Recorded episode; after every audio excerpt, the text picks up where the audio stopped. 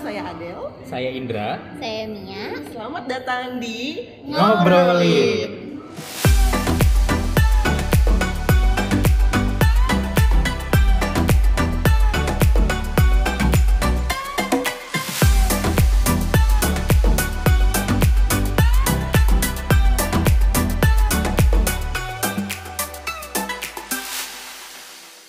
Halo, sekarang kita mau ngobrolin tentang seharian nih kayaknya. Iya. Yang yang yang sederhana-sederhana dulu aja kali ya. Jadi, berjumpa kembali pastinya di ngobrolin bersama dengan Kak Indra, Hai. Mia, dan juga aku. Tadinya kita bingung banget nih mau nentuin tema karena udah se eh, lumayan lama banget. Ini udah masuk di minggu pertama April.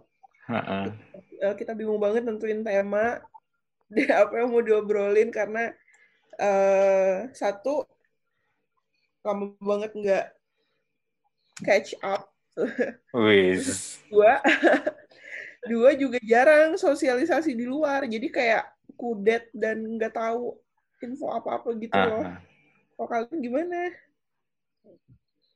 Aku ya gitu-gitu aja sih, Del. Cuman eh apa ya?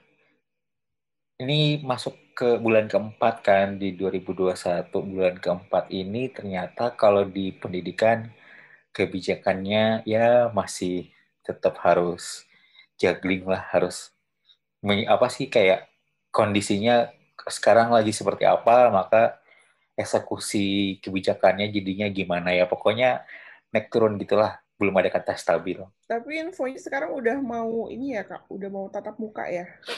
Ya, plannya sih di awal tahun ajaran baru ya. Cuman kan kita juga masih harus nunggu. Toh sampai sekarang, misalnya aku nih lingkupnya kan eh, di pendidikan di Samarinda itu juga belum ada kayak vaksinasi buat tenaga pendidik dan kependidikan segala macam gitu. Jadi ya nunggu sih. Lagi pula kalau mau semua dibuka kan banyak banget tuh perintilan-perintilan kebijakan atau persiapan-persiapan yang emang harus di ditegakkan ya supaya kalau nanti udah masuk ya setidaknya virusnya malah nggak menular menular gitu sih tapi ya aku sampai saat ini ya wait and see aja sih ngeliat-ngeliat dulu karena eh, beberapa teman-temanku malah dia udah dapat vaksinasi duluan Oh, iya, iya, iya.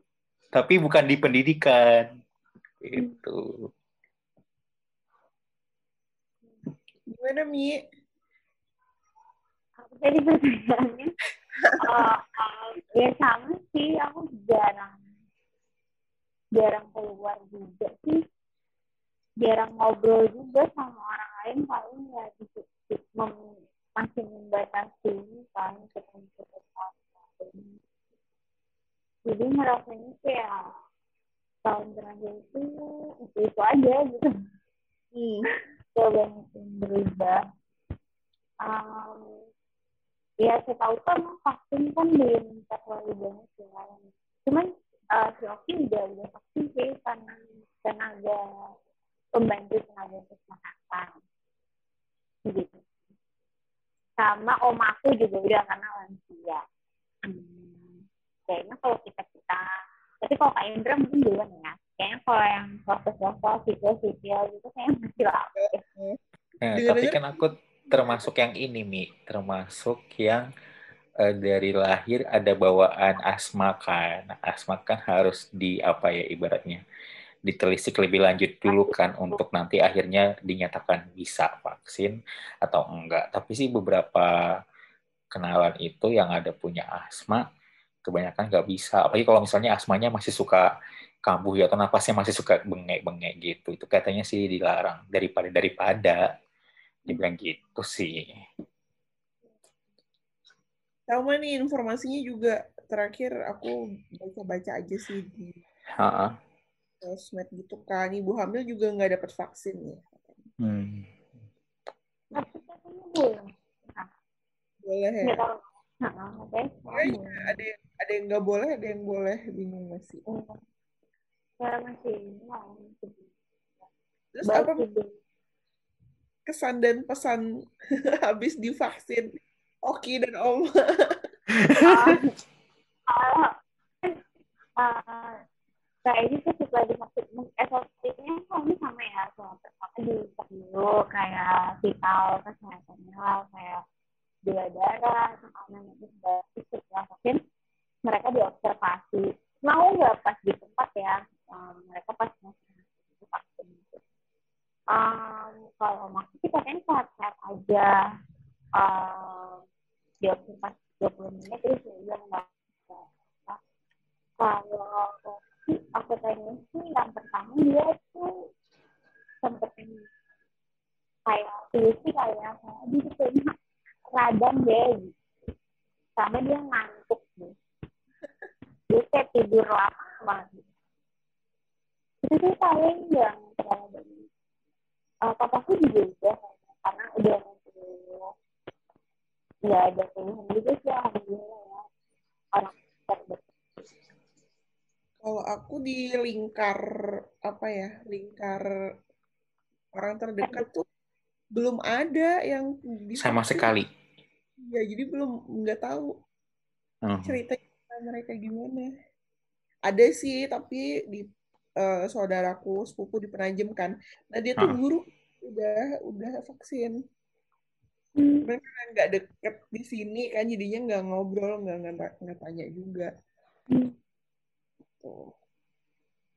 Berarti ya sempat ada sih buat swasta katanya dia uh, kadin ya vaksin dari royong apa apa gitu cuman nggak sempat ikut sih kantorku karena kita harus ngasih kayak data gitu kan sementara kayak belum sejelas sekarang peraturan jadi buru-buru lah waktu itu bisa jadi aku mau ketemu oh nggak usah ikut dulu. Tapi nggak tahu kalau yang siakan itu udah terlaksana atau belum?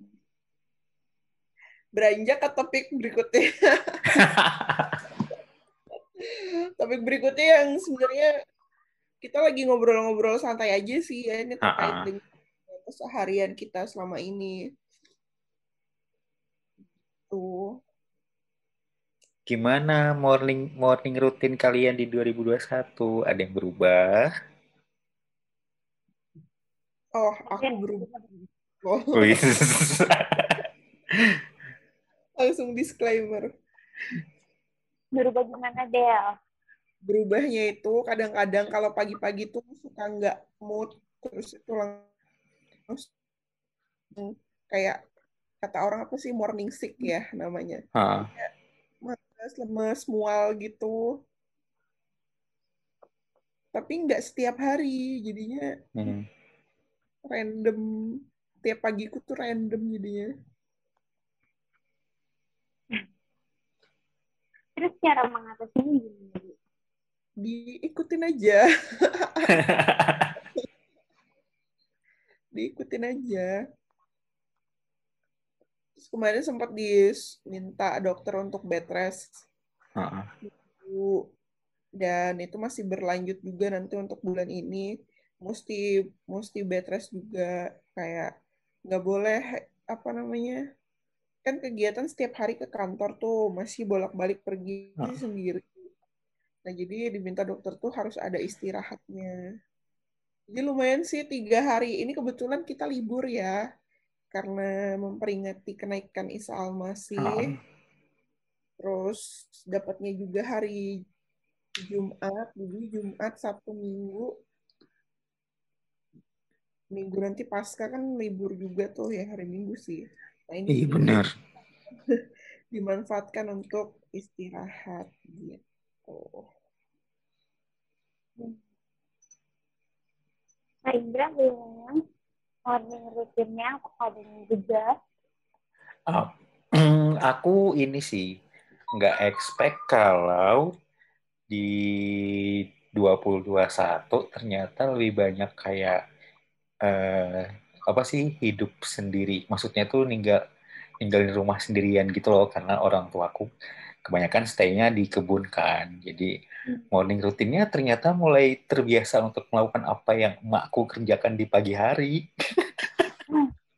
mau nggak mau kan gitu.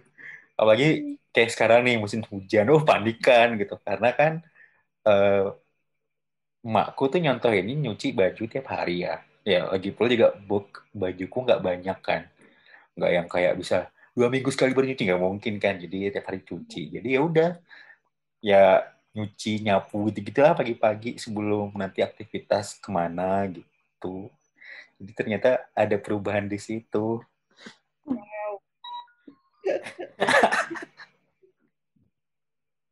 Lucu gemes-gemes kesel dalam, gitu loh kadang-kadang dalam sebulan ini sering sering di kebun orang tua. Uh -uh. Sering hmm. banget.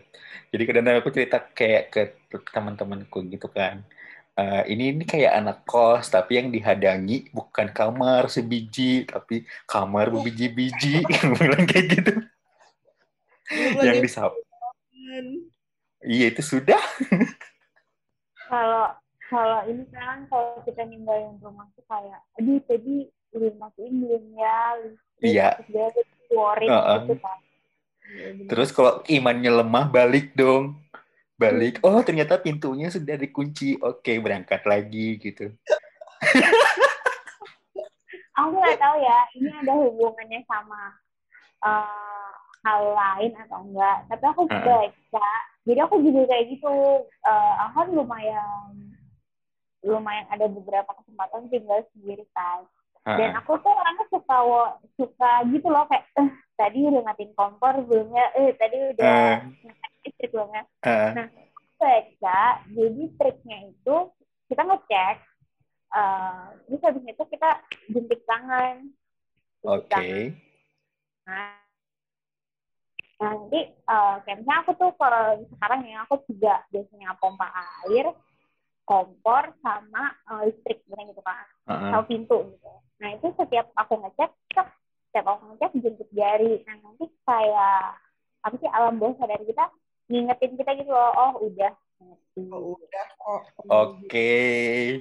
akan Terus, dicoba mulai weekdays oh, terus terus kayak jentik jari uh-uh. atau uh-uh. tepuk tangan atau uh-uh. apa gitu nah uh-uh. terus yang satu lagi uh, waktu aku tinggal sendiri uh, aku tuh misalnya pergi keluar kota gitu tapi nggak hmm. lama ya sehari dua hari nah itu yang aku lakukan adalah foto jadi foto si kompornya udah mati foto si ketekannya udah dimatiin itu tuh penyakit kali ya ada yang bilang itu bagian dari ya jadi aku coba sih sampai hmm. sekarang aku masih jemputin itu masih okay. tiap pagi karena aku pergi duluan. Aku agak hmm. siang kan. Itu sih kadang sebel kan. Udah dikunci deh yakin gitu. Atau kompor udah dimatiin deh yakin gitu. Terus pergi kan gitu. Baru nyampe kayak depan komplek ntar dulu ya. Mending dicek deh. Oke ngecek iya. balik lagi. iya, oh pintu depan pintu depan udah. Eh pintu belakang udah atau belum ya? Makanya ya Allah gue bilang gini amat ya gue gitu. Lebih banyak yang diingetin gitu. Kan kalau um, kalau rumahku sekarang kan ada ninja gitu kan. Itu kalau bolak balik tuh kayak import gitu loh kayak nah, buka pagar lagi. Iya sih, bisa relate kak. Jadi apalagi kalau sekarang lagi musim hujan kan lagi nyuci hmm. musim hujan. Wow tidak kering. Baiklah. Gimana kayak gitu? Kering banget sekarang tuh nggak kering. Baiklah itu mulai mulai mulai mulai uh, agak-agak panas kepala kan. Uh, begitu tiba-tiba hujan deras-deras berapa hari oke okay, nggak kering semuanya. Kadang stres loh gue iya. Nah aku tuh kalau misalnya ada hujan kayak gini loh kayak hmm, apa di cucian itu seminggu sekali. Tapi itu pun dibagi dua ya. Kalau misalnya nggak tahu aku laundry sebagian yang uh. uh, sebagian aku pilihnya yang di sendiri. Terus misalnya seminggu sekali tahu hari sabtu. Sebenarnya kan hari rabu hari selasa gitu udah sering kan tapi uh. kan kok kan hari kerja ya jadi kayak mungkin besok aja kali ya ngangkatnya. Besoknya hujan. Harusnya kemarin ya itu aja permasalahan mingguan.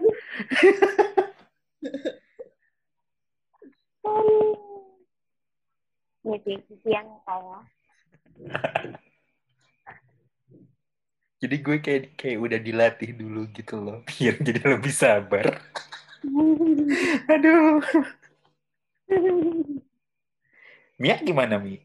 Morning routine. Nah, hmm, morning itu yang makin sih. Kayak bangun pagi. Kalau di, kalau aku bisa bilang aku lumayan disiplin ya orangnya kayak aku punya oh kalau misalnya harus ada di tempat jam segini aku harus siap-siap dari jam segini kayak gitu kan Hmm. terus um, nyiapin baju harus dari malamnya nyiapin barang harus dari malam sekarang tuh eh, apa ya kayak ngikutin mood gitu loh mau bangun eh, terus kayak ini ini nggak mood terus aku ngikutin aja gitu loh nggak moodnya jadi kayak ya udah tunggu sebentar baru siap-siap gitu. ya udah nonton apa dulu gitu kayak gitu padahal itu juga yang merusak karena jadinya seharian jadi merasa nggak produktif kan jadi moodnya Hmm. juga turun juga gitu itu aja. ada yang bilang sih karena ini ya karena katanya sih sebenarnya kita sedikit banyak secara sadar nggak sadar sebenarnya stres menghadapi pandemi kan mungkin kita suka nggak mengakui itu gitu loh Iya. ya ah enggak kok biasa aja Kita fine-fine aja kok. ya orang kita baik-baik aja gitu kan ya sih dia pun meng apa ya, pengen balik ke diri lagi yang baik-baiknya gitu. Yang bisa ngatur uh, manajemen waktunya lebih baik. Itu sih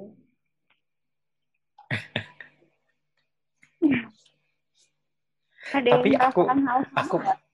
Eh, sampai pernah pernah. Aku pernah kemarin eh, bangun sholat subuh gitu kan. Biasanya aku langsung kayak nyiapin gitu loh Eh, mana nih air yang harus disiapkan buat ngerendam? gitu. Mana yang buat ini? Habisnya aku udah siap siapin gitu kan. Kemarin entah kenapa moodku nggak e- nggak pokoknya nggak bagus lah. Terus aku malah buka handphone habis sholat subuh itu nonton Netflix dong dua episode di satu serial. Kan jadinya tiba-tiba habis itu pas udah tiba-tiba "Loh, kok udah jam segini? Kan ini harusnya sudah mulai siap-siap ya. Gitu jadinya gue kesalahan diri habis itu ngurusin pakaian pakaiannya masih numpuk dan sebagainya. Ya udahlah bilang next next jangan lagi deh.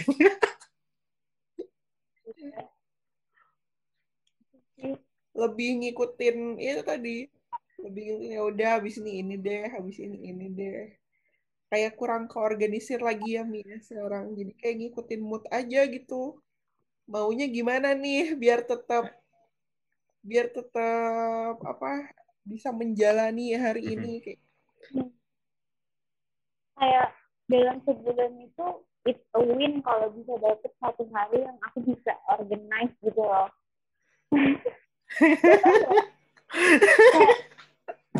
Dalam sebulan tuh bisa kayak ada beberapa hari dalam sebulan itu kayak rasanya nggak nggak mau bangun.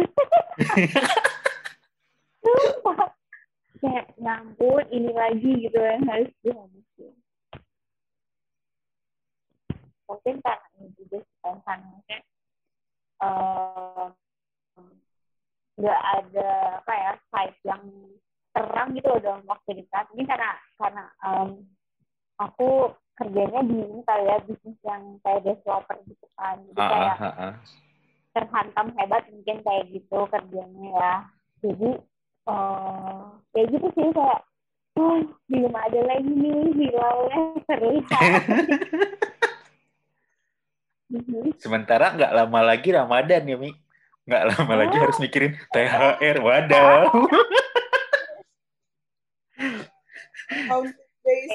gitu. Hamin 10 ya kalau nggak salah. Iya. Tanggal berapa sih kita? 13 apa ya 13 ya? Heeh. Bahkan nih ya untuk kayak kayak kemarin-kemarin kan sempat kayak kita kan udah mulai kayak ketemu beberapa orang gitu kan. Nggak Hmm. nggak kayak sesaklek awal-awal pandemi gitu Iya. kan. Terus aku tuh sempat kayak gini kemarin sama salah satu kenalan aku panggil Mbak gitu kan. Mbak, tahun ini kita ada agenda bukber enggak nih? Gue bilang kayak gitu kan. Au, dia jawabannya begitu dong. Au, lihat aja entar gimana kita bisa angkat nge-handle dia bilang gitu. Oke, okay. bilang kayak gitu. Jadi kayak mau bukber pun kita nggak optimis loh di tahun ini. kayak dari sisi mana pun tuh kayak mencoba mencari apa ya mencoba mencari happiness in little thing gitu loh kayak oh iya alhamdulillah ya kita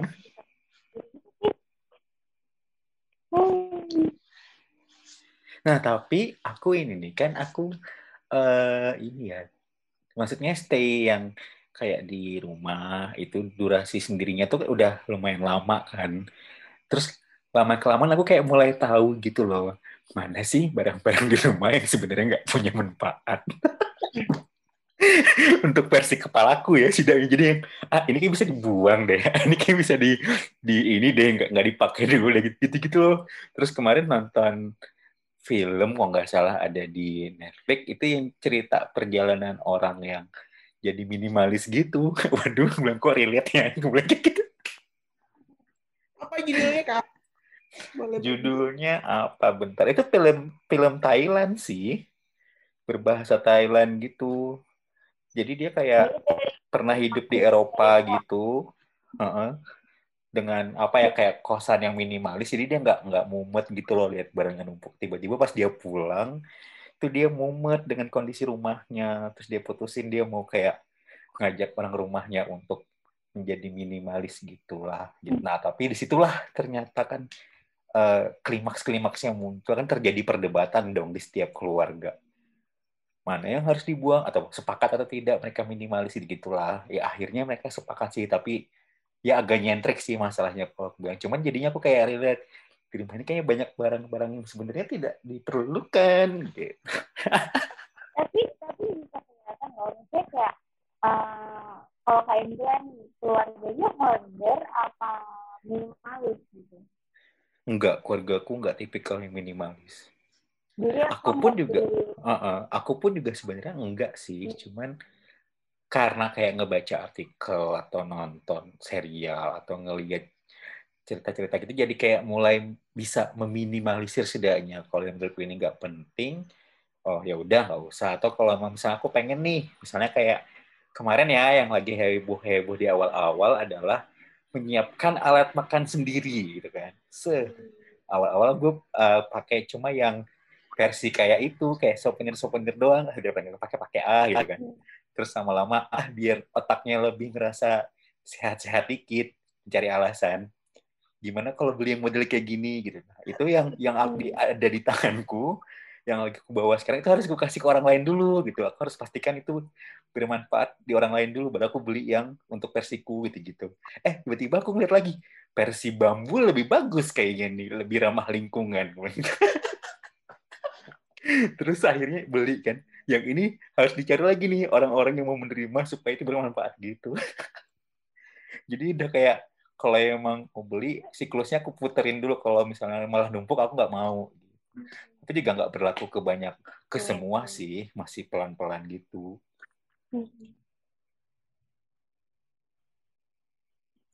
Soalnya ini apa uh, maksudnya aku dulu di waktu masih tinggal sama mamaku gitu ya keluarga kami itu bukan yang hoarder gitu sih. Tapi uh, dulu aku sama waktu itu orangnya ini apa sih sentimental gitu loh. Kan ini kan dulu tuh aku orang tipe ngumpulin uh, nonton. Ada tiket tiket, tiket. Gitu kan. terus namanya yang tiket nonton kayak gitu kan terus tiket nonton konser itu dikumpulin jadi satu di di kotak gitu. Terus memang yang merubah aku tuh pas aku pindah sih. Jadi kayak saya pas sekolah kayak gitu kan. Hmm. bukan karena pengen hidup minimalis tapi karena pas pindahan tuh rebet gitu kan. Harus mau mau ditinggal ditinggalin atau dibuang. Jadi kayak mulai dari situ aku kayak oh ya aku tuh uh, kalau lagi sini memang nggak bisa hidup yang uh, karena nomaden kan masih tinggal-tinggal kayak gitu bukan rumah sendiri. Terus akhirnya aku udah mulai belajar lah aku udah bisa berangkat tuh yang uh, packingnya dikit-dikit itu udah bisa. Nah terus uh, makin ke sini mama aku tuh juga jadi orang yang uh, ini minimalis gitu. Jadi dia ngumpulin kayak baju kalian mana yang pakai lagi kita sumbangin atau di permak kayak gitu untuk disumbangin um, nah kenapa tadi aku bilang bisa dilihat tuh dari keluarga karena keluarga ini bukan ini ya maksudnya kita melihat observasi ya. Karena keluarga aku yang lain tuh benar-benar yang order banget. Kayak um, baju kuku yang umur enam bulan tuh padahal dia udah seumur aku sekarang. Masih ada. Karena sentimental banget gitu loh. Kayak nggak mau nggak mau dikasih ke orang. Karena ini kan dulu uh, kamu pakai waktu umur enam bulan gitu loh. jadi itu emang ada orang kayak gitu kalau ada keluarga biasanya bisa dilihat gitu dari dari, dari keluarganya. Minimalis ya. Minimalis sih tapi ada hmm. uh, ada hal-hal yang memang nggak bisa dihindari untuk tetap di kayak dikumpulin kayak gitu. Kumpulin. Uh, jadi satu sisi mungkin masih belum bisa dikatakan apa minimalis 100% minimal tengah-tengah lah ya. Tengah lah ya. Ya apa apa yang bisa dikurangin dikurangin. Hmm. misalnya seru nih ini kalau dikumpulin kayak bakalan ada terus tuh. Dan sampai menumpuk. Contohnya tuh kayak misalnya apa hmm, kotak-kotak bekas ini uh, paket. Oh ini nanti kayaknya bisa dipakai lagi deh. Jadi jangan, jangan kayak dibuang kayak gitu. Padahal akhirnya dia menumpuk dan menjadi tinggi. Yang nggak tahu mau diapain. Ya gitu gitu sih. Yang hal-hal kecil kayak gitu. Kalau aku paper bag Del. Ya, kan ada beberapa store kan ah. paper bag eh, beberapa store kan udah mulai ngasih paper bag gitu kan. Hmm. pas kita lagi belanja belanja karena uh, gantinya kantong plastik. Itu aku kumpulin. Udah udah banyak tuh. Ntar kalau misalnya ada temanku apa datang atau aku mau ngasih apa ya udah paper bagnya aku kasihin lagi gitu. Jadi aku siklusin yeah. gitu aja. Kayak sampai dia rusak. Paper bag sama itu yang di bag itu. Hmm. oh. kalau sekarang kan apa sih iya apa sih? namanya? Apa sih? Aku bilang di bag nih. Apa sih ya? Ada namanya kan itu bahannya. Cuma aku tahun lalu berhasil nih. Uh, jadi aku tuh uh, ini karena aku dengar temen aku dia tuh cuma pakai kayak dua puluh sama kayak kain kain itu aja. Kalau mau beli hmm. baru dia harus kasih either donat atau preload uh, bajunya terus dia cuma punya di gantungannya kayak dua puluh pasang baju so aku kayak wow itu ekstrim kan kayak maksudnya dua puluh tuh berarti dalam sebulan tuh tiga puluh hari kamu harus pakai siklusnya iya. gitu loh. uh, aku hmm, kayak maksudnya 30 hari kamu harus cuci baju dan harus pakai gitu kan. Terus aku bikin kayak, eh, aku juga pengen mulai ah yang kayak gitu. Jadinya aku tahun lalu, ini masih berjalan kan ini, aku nggak beli terlalu ekstrim sih, tapi aku mencoba nggak beli barang fast fashion.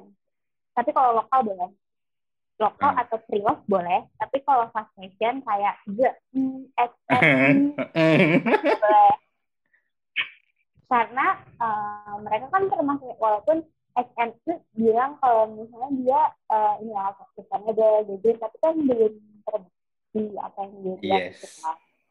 Nah jadi aku oh ya deh fast fashion dulu yang gak boleh gitu. Tapi kalau barang lokal ya kayak brand-brand lokal gitu boleh sama tadi kalau misalnya dia pre-love kayak gitu. Kita coba berhasil lah ngakuin tapi kalau hmm. sepatu ini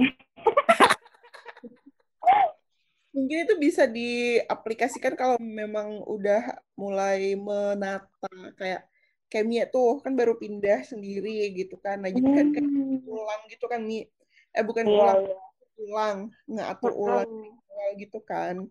Itu bisa tuh masih an tapi kalau misalnya kayak kayak mungkin aku Kak Indra kan masih tinggal bareng orang tua gitu kita masih ngikutin uh, apa namanya masih ngikutin ya yang di rumah nih gimana gitu. Uh -huh.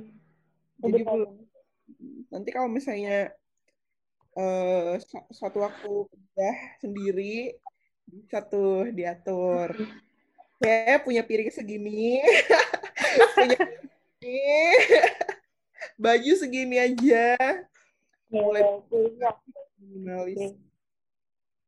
Dan ini loh, uh, pas Mia senggol ke brand lokal, aku mulai ini sih, mulai kayak aware gila kualitas brand-brand lokal yang sekarang tuh keren-keren Hmm. loh. Iya. Terusnya kayak wow gitu bisa-bisa merasa gitu.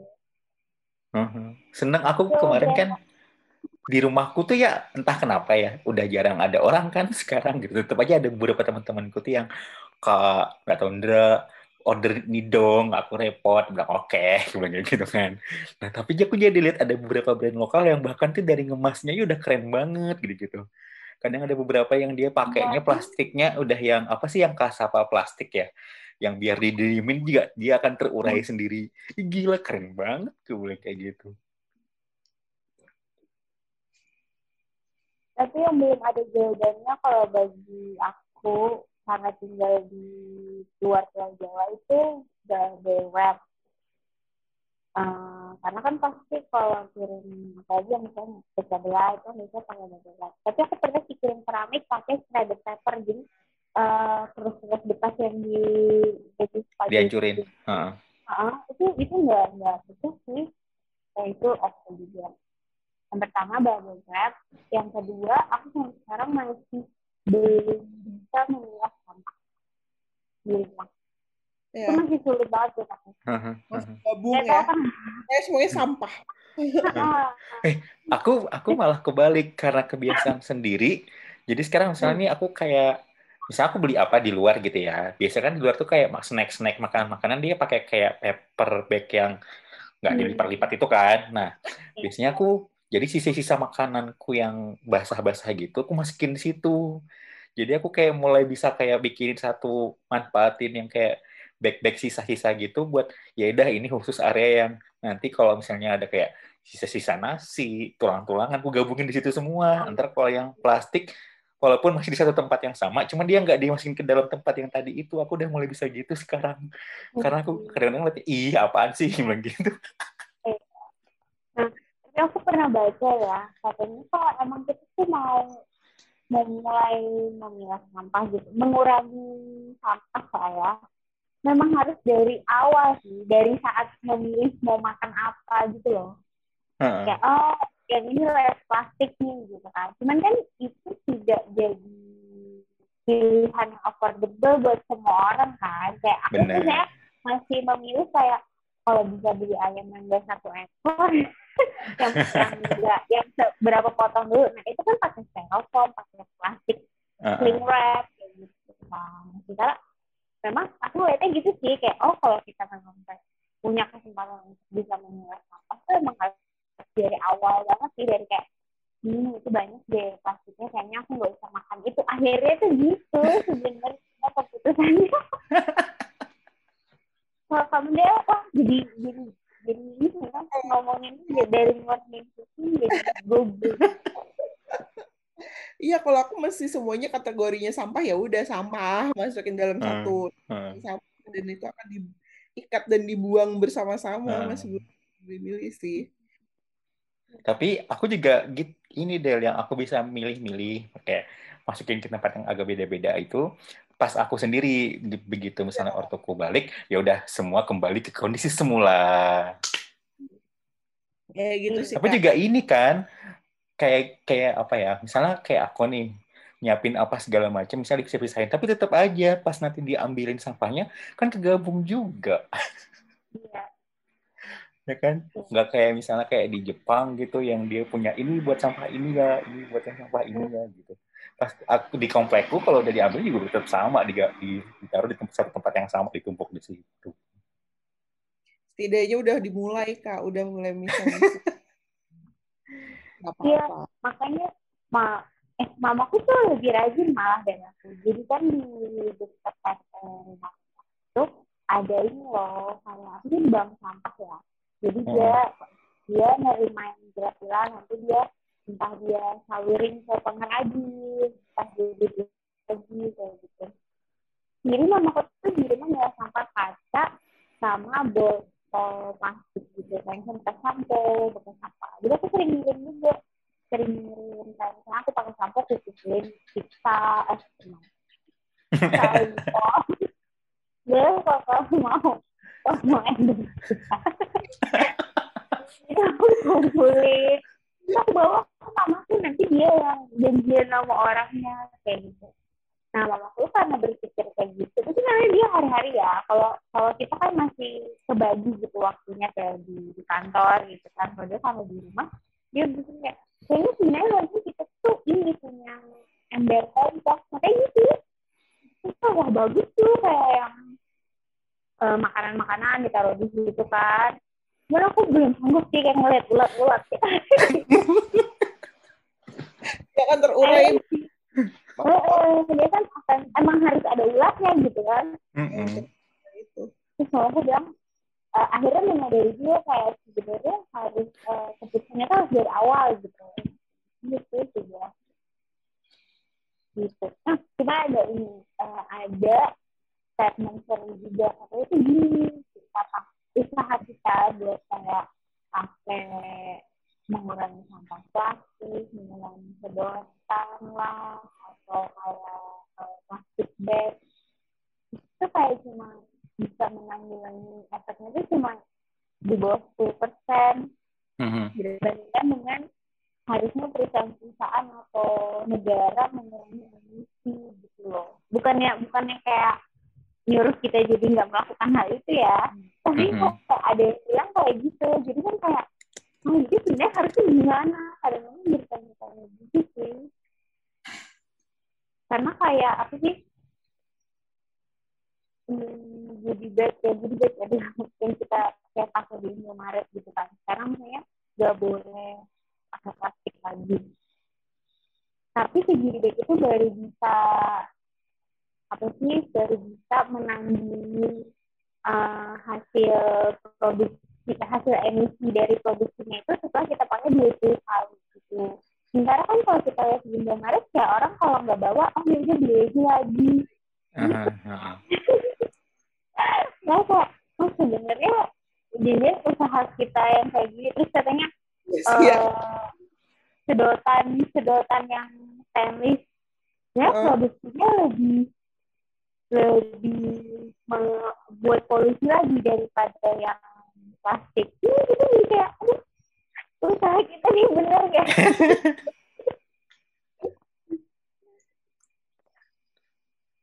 Apalagi sekarang kita, kalau aku sering banget pakai masker sekali pakai kan, karena maksudnya ya namanya masih kerja kan, pengennya yang masih keluar rumah, pengennya yang pasti lah. Apalagi Oki harus pakai yang sekali pakai di kantornya. Kadang-kadang kayak aduh harus dipotong gitu kan. Biar nggak kena kura-kura pakai aku sekarang lebih ini ya lebih banyak dilema kayaknya dalam dalam pilihan-pilihan gitu loh Iya sih. Lakukan apa yang menurut kalian itu baik. Ya kan? Iya benar. Ba- baiknya itu eh, bukan untuk keluar dulu, untuk dari dalam diri dulu. Kira-kira baiknya ya aku sendiri gitu. Kalau sudah menimbulkan impact kepada diri sendiri, mungkin kita harapan kita kan juga bisa ber apa berimbas kepada lingkungan. Mungkin ya bisa dilakukan. tapi sekarang mikir kayak gak semua orang lo bisa berpikir untuk save the planet gitu loh Mhm. kayaknya sih kadang kan kalau ngeliat ya emang masih perlu gitu pengguna beberapa hal ini Bahkan Bukan. kemarin aku nonton dokumenter gitu di Netflix itu bahkan dia eh, sama sih kayak apa sih pengguna eh, yang si sedotan lah isu soal sedotan lah isu soal yang plastik sekali pakai lah itu tuh masih kayak belum ada apa-apanya terhadap terhadap itu kita ngurangin itu juga kayak efeknya kecil banget bahkan itu mereka kemarin eh, fokusnya ngebahas pakai pakai tanda petik gitu ya kekejaman manusia terhadap ikan. Hmm, ya, jadi yang si- jadi apa uh-uh. jadi ngeri banget juga sih jadi aku yang okay, jadi ini harus gimana nih? Gitu. Sampai aku bikin bikin kesimpulan sebenarnya kalau buat aku ya.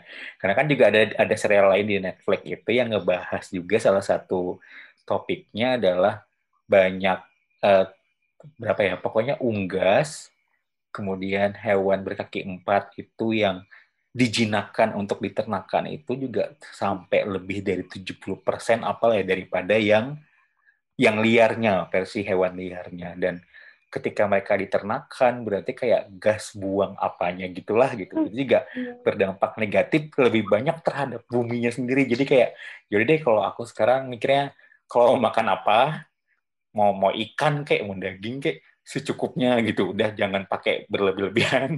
Gak usah pakai hawa mata udah. Misalnya cukupnya cuma sepotong ya udah sepotong aja. Gak usah dilebih-lebihin. Aku udah mikir apa yang udah bikin bikin kayak gitu aja lah. Soalnya juga kalau ngeliat tuh ngeri sih. Jadi kita tuh kayak jadi apa ya jadi spesies yang paling rakus di bumi. Terus nggak nggak peduli sama buminya juga gitu. Iya gitu aku nonton dokumenter kayak gitu. Besok langsung kayak pengen makan sayur aja. Tapi tiga hari setelah itu saya iya balik lagi. Iya.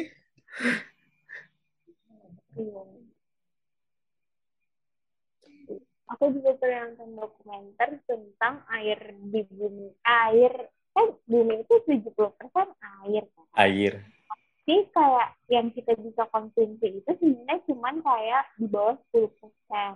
Nah dia bilang tuh nanti berapa tahun lagi air yang bisa kita konsumsi itu bakal habis. Jadi air yang tersedia itu nggak bakal bisa kita pakai buat mandi buat minum kayak gitu. Dan itu gara-gara manusia sendiri kayak gitu. iya benar. Terus baca laporannya Jakarta.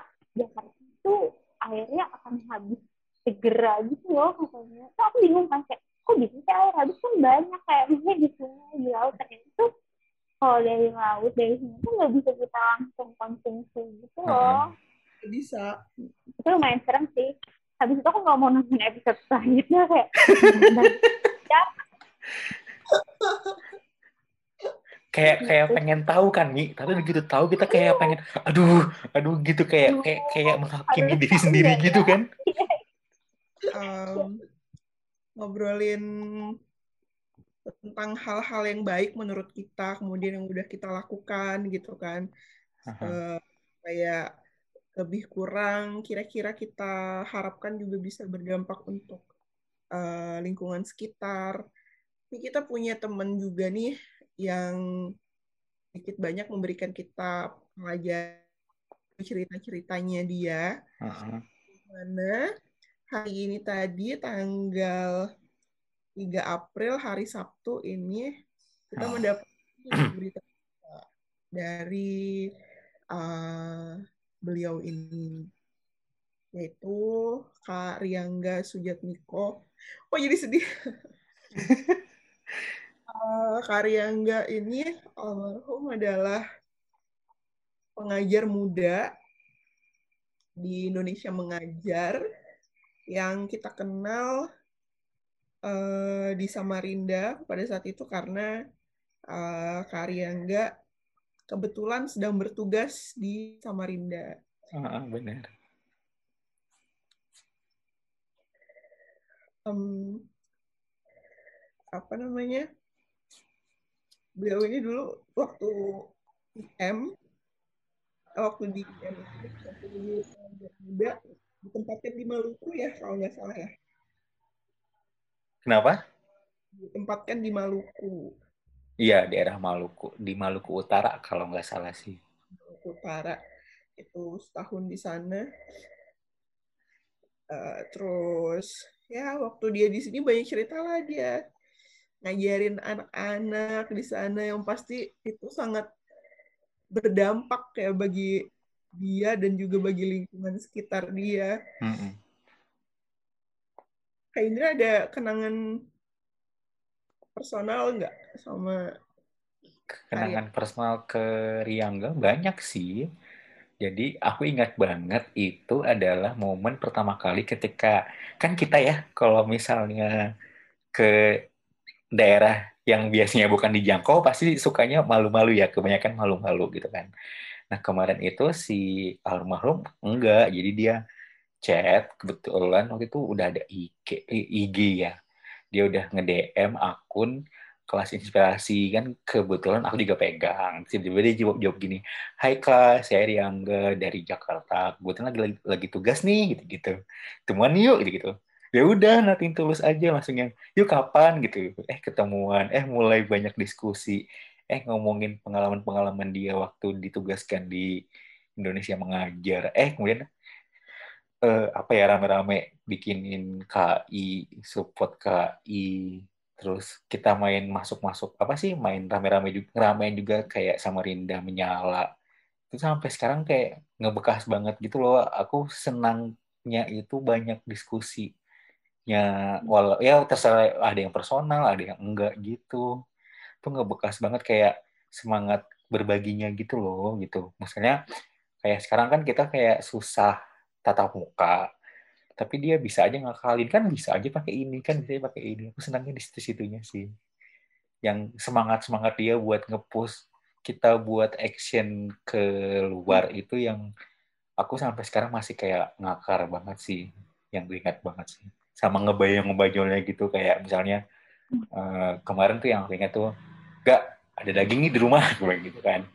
Yaudah aku datang ya gitu. Datang beneran gitu. Jadi nggak usah pakai apa sih yang kayak jaim jaim banget gitu. Hajar aja gitu.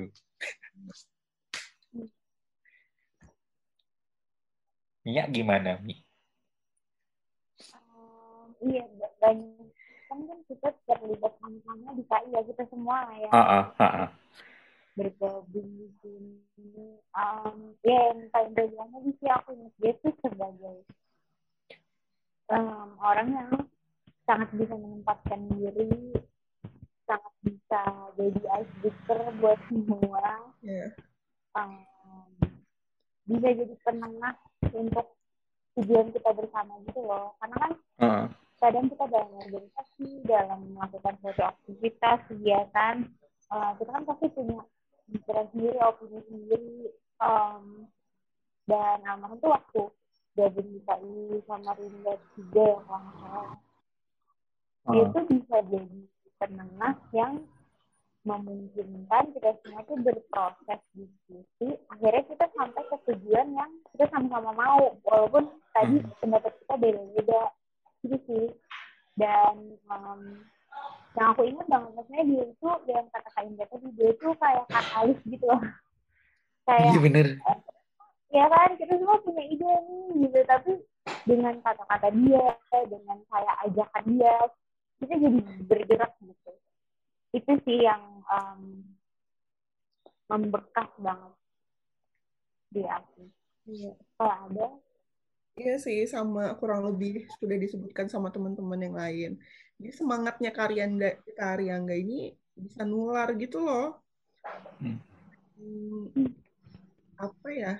kita bisa banyak belajar sih dari dia walaupun uh, katakanlah uh, usia mungkin tidak terpaut jauh tapi rasanya kok pengalaman dia itu kok lebih banyak ya gitu dan oh ya kok bener ya terus apa waktu dia pun meninggalkan Samarinda tuh yang kayak sedih gitu kan duh gimana nih kita nanti uh, mau jalan lagi maksudnya jalan kegiatan kita lagi nih nggak ada karya nggak Uh, tapi sepertinya kalau misalnya ngelihat almarhum dari sosial medianya gitu, emang dia itu di mana pun dia adalah orang yang menyenangkan sih.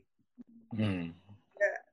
Gampang ini orangnya uh, beradaptasi. uh, di mana dia berada. Dan pasti aku ya di mana pun teman-temannya almarhum ini pasti lagi berduka banget kehilangan sosok. Masih masih muda gitu kan penuh semangat masih masih uh, apa namanya masih semangat untuk berbagi juga sampai hmm. sekarang walaupun dia juga sibuk kerja gitu sih. Mungkin kayak waktu dia udah pindah dari sini dia masih kayak memantau kegiatan kita lewat grup chat Masih kontak akut bahkan kemarin itu sempat kontak waktu dia ngepost dia posisi di rumah sakit tuh bilang kan kak kenapa? Dia cerita kayak kayak uh, tulangnya gak enak. Kak kenapa? Sakit apa? Cuman dia bilang uh, hasil diagnosis juga belum pasti keluar. Jadi juga masih nunggu masih bingung harus gimana. Tapi ya nikmatin aja dia bilang gitu. Ya masih sempet tanya-tanya gitu. Cuma nggak tahu kalau misalnya tiba-tiba kondisinya malah uh, nggak seperti yang diharapkan ya. Tiba-tiba udah nggak ada aja. Tapi kayaknya itu jadi apa ya jadi jadi opsi terbaik ya sih? Ya aku udah sampai ke statement. Misalnya ada yang chat-chat gitu kan. Ya aku berani saksi gitu. Uh, almarhum itu ya orang yang baik. Gitu.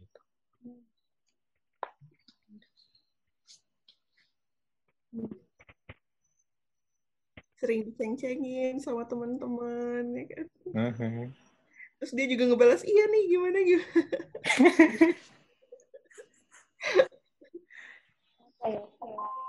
um, orang yang bisa menurunkan egonya gitu loh demi mendapatkan iya. tujuan bersama.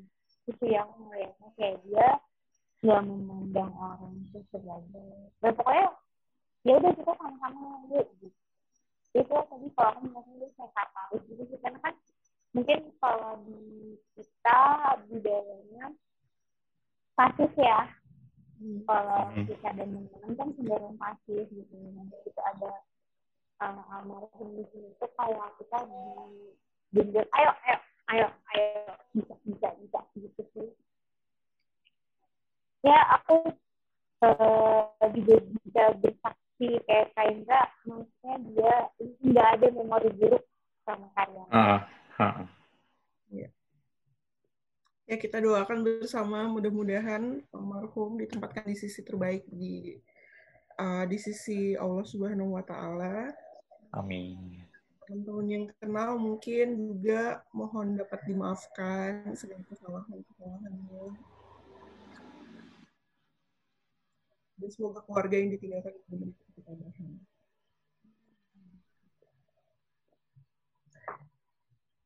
Oke. Okay. Kak Indra, Mia, mungkin uh, ngobrolin kita di episode yang kali ini. Cukup sekian dulu. Hmm. Nanti kita lagi di ngobrolin berikutnya. Entah kita kan ngobrolin apa ya kira-kira. Sehat-sehat semuanya. Iya, Adel juga. Oke. Okay. Bye, Mia. Bye, thank you ya. Yuk. Dah.